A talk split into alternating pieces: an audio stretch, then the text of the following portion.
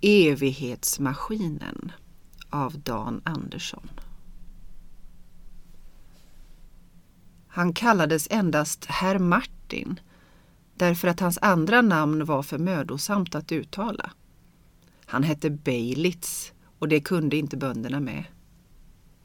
Varför han bodde på landet i ett vindsrum ovanför en halvgalen arrendator som även var socknens urmakare, i synnerhet duglig på moraklockor och tröskvandringar som börjat krångla i gången.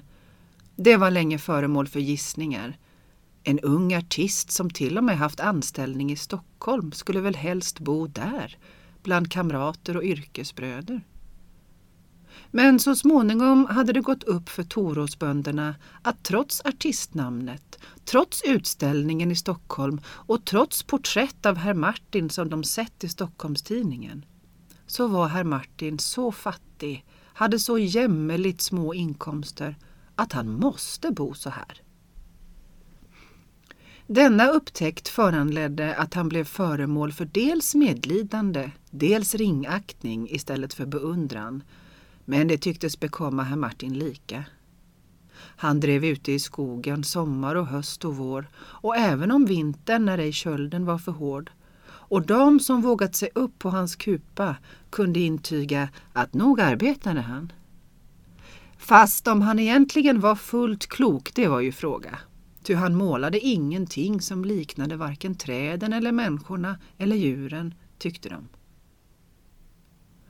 Nu var det julafton med en hård och befallande och vass vind som gick fram som en rövare och illgärningsman och sopade snön upp mot skyn och spelade orkester i skorstenar och knutar. Vägarna till bys var igensopade redan på förmiddagen när herr Martin vadade genom driverna för att efterhöra post hos handlaren. Hans julafton Nästan hans liv hängde på om det skulle finnas någon post till honom. Hans liv Åh nej, tänkte han, nog lever jag över julen fast inte de där hundra kronorna skulle komma. Men att vara utan mat om jul.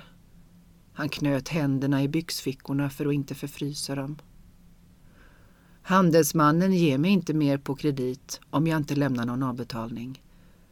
Tänk att jag redan är 32 år och inte kan försörja mig. Han drog ansiktet till en grimas. Om han ändå skulle försöka att kritsa tobak åtminstone, ifall inga pengar kommit. Kunde handlaren neka på själva julafton? Men se det där att fråga om kredit nu igen.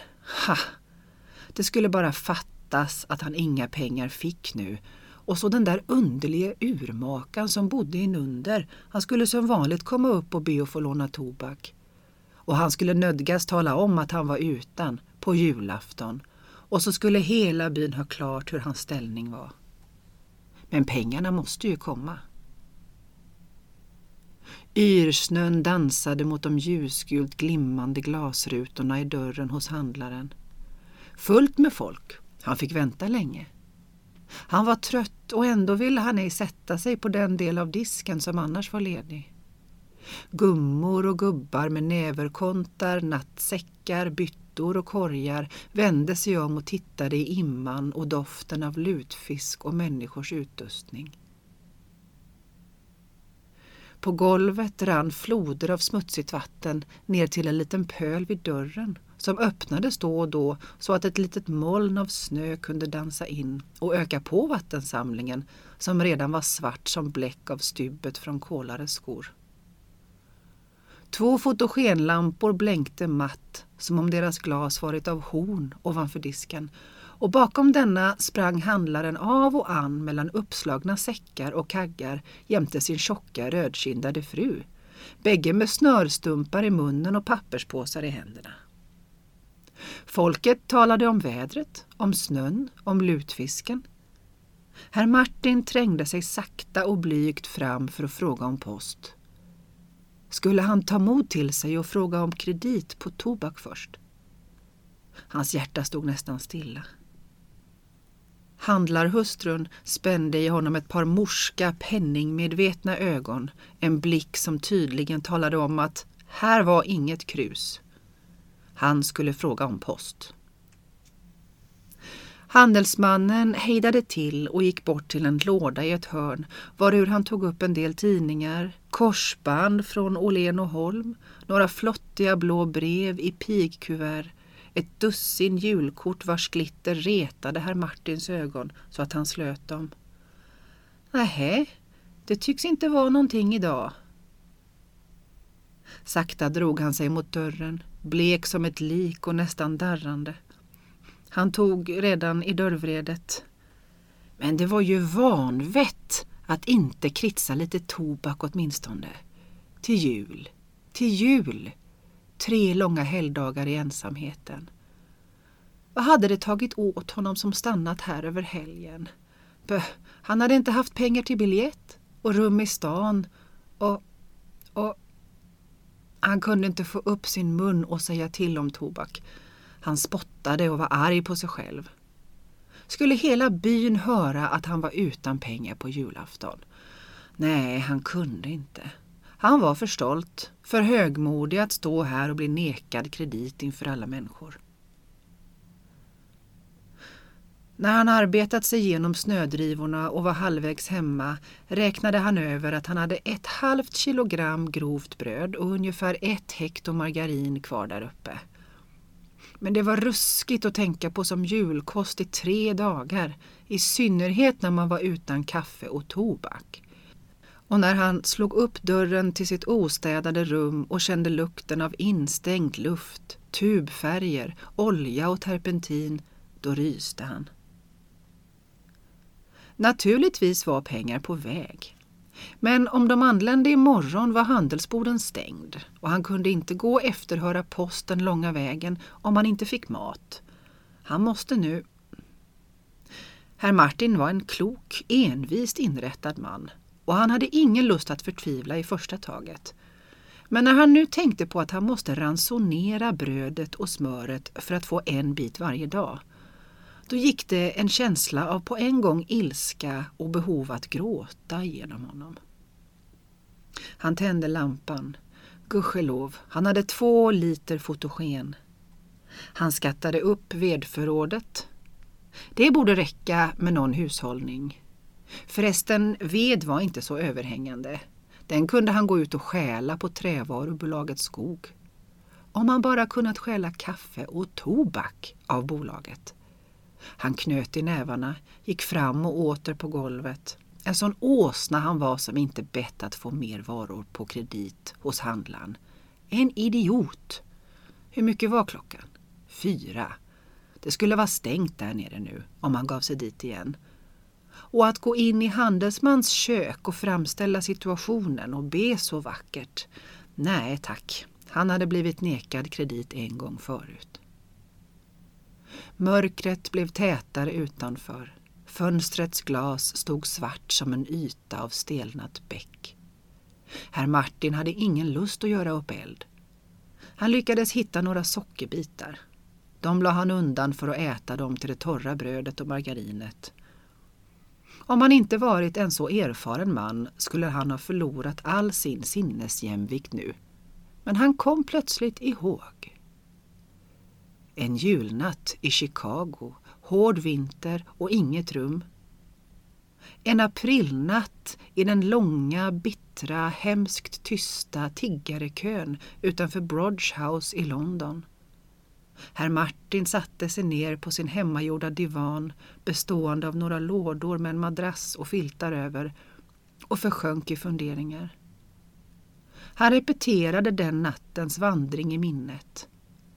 London Bridge, Cannon Street, men inte fram till Victoria. Där var för öppet, för fint. Jo, han hade visst försökt att tigga ända uppe vid New Bridge. Och så Aldgate, Whitechapel Road, Commercial. Ingen konstapel hade hejdat honom och sagt att det var farligt att gå längre in. Hans kläder vore sådana att han kunde korsa kring i hela East utan fara. Nere vid Wasping hade han sovit på en prom som en vänlig skotsk skeppare anvisat honom. Men han hade alltid haft tobak. Det var detta som retade honom värst. Inga fattiga vore utan tobak därute, besynnerligt nog. Det fanns gott om den och att tigga tobak gick utmärkt. Men nu... Hungern började redan regera i hans mage. Men han hade ingen lust att stiga upp och börja ransonera brödet. Om man höll sig riktigt stilla och inte ansträngde sig med något, det vore det bästa. Men nu krävde stillheten absolut rökning. Nutidsmänniskan var sån.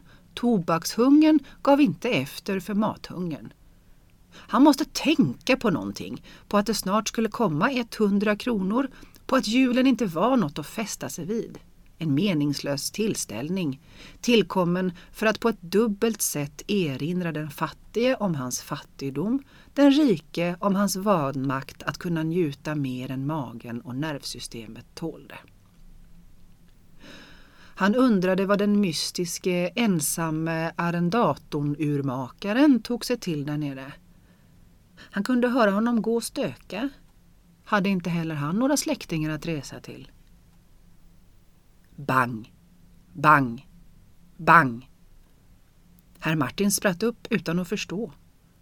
Urmakaren stötte i taket med något hårt föremål. Vad ville han? Var han drucken? Kunde han inte gå upp om han ville något? Ännu en gång knackade det. Herr Martin kände på sig att det förestod någonting ovanligt. Ty detta var första gången den ensamme där nere knackat. I en handvändning var han där nere, viss om att urmakaren vore sjuk. Han öppnade dörren försiktigt, nästan rädd. Kunde den gamle ha fått något slaganfall? En liten julgran stod mitt på golvet. Det var bara fyra eller fem ljus i den.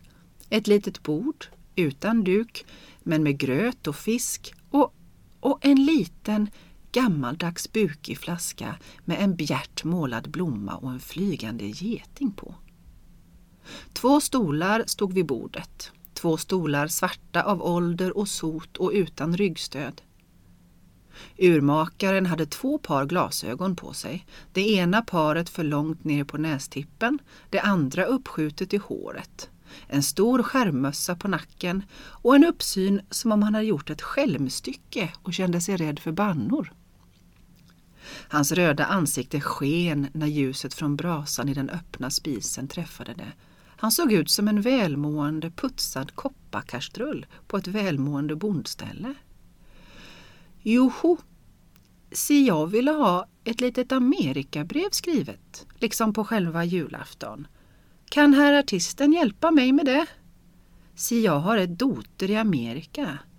Om det inte är för mycket begärt. Och först då så tänkte jag att den som arbetar åt den ska fälla kosten där han arbetar. Jag är inte så barnslig så jag har julgran annars. Men jag tänkte för skojs skull när jag skulle ha främmat och så var det att jag lånat så mycket tobak av herrn så jag tänkte ge igen nu. Och så om man inte tycker att det liksom skulle vara något orent och oriktigt med den här maten jag fixerat ihop själv så skulle jag bara säga det. Jag menar ifall han inte skulle vilja äta med mig utan tro att det inte är rent nog så säger jag bara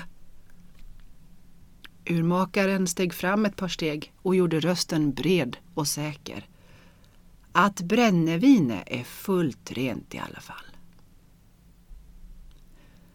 Den julkvällen lärde sig herr Martin att inte döma människor efter en måttstock.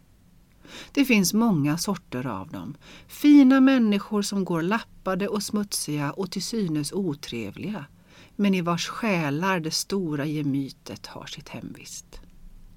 Där tickade dussintals klockor av alla världens fasoner kring väggarna. Och den heliga timmen, tolvslaget, dånade fram ur innandömena på Stjärnsundsur, klockor, Smålandsklockor och gamla Värmlandsur som kunde repetera timmen varje tid på dygnet om man drog i ett snöre. Till slut drog urmakaren med en mystisk min undan ett förhänge i ett hörn, sköt de överflödiga glasögonen ännu mer uppåt pannan och blev allvarlig som gammalt järn i ansiktet. Ögonen tindrade och hans röst nästan darrade när han sa Ja, om man aldrig säger ett ord åt någon så här har jag full mitt. I taket var fäst ett hjul från vilket en snodd löpte ner till en apparat vars invecklade konstruktion tydde på årslångt arbete. Där fanns gamla delar ur ångmaskiner, bitar av en regulator, ett elektriskt batteri, en laddflaska och två väldiga kolvar av mässing. Herr Martin log inte. Han kände sig rörd. I verkligheten är vi såna där fantaster allihop, tänkte han. Den ene målar, den andra. Huvudsaken är att ens galenskap inte yttrar sig som elakhet. Nå, kan han sättas igång? Frågade herr Martin. Ehuru han redan visste det svar han skulle få, det evigt vanliga.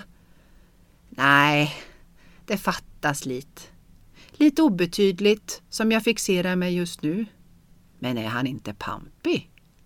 Jo, den är fin. Längre fram på natten, när herr Martin skulle gå upp till sig med ett paket tobak i handen, erinrade han sig något och vände i dörren. Men var det inte ett Amerikabrev jag skulle skriva? Urmakaren som redan lagt sig på sin brits såg lite förlägen ut. Sen satte han sig upp och skrattade. Jag har ingen dotter i Amerika, sa han. Jag har aldrig varit gift. Det var egentligen bara det att jag tyckte jag ville visa. Han vinkade mot hörnet där evighetsmaskinen fanns. För att det var jul och så har jag aldrig visat någon för. Herr Martin nickade farväl, förstod och försvann.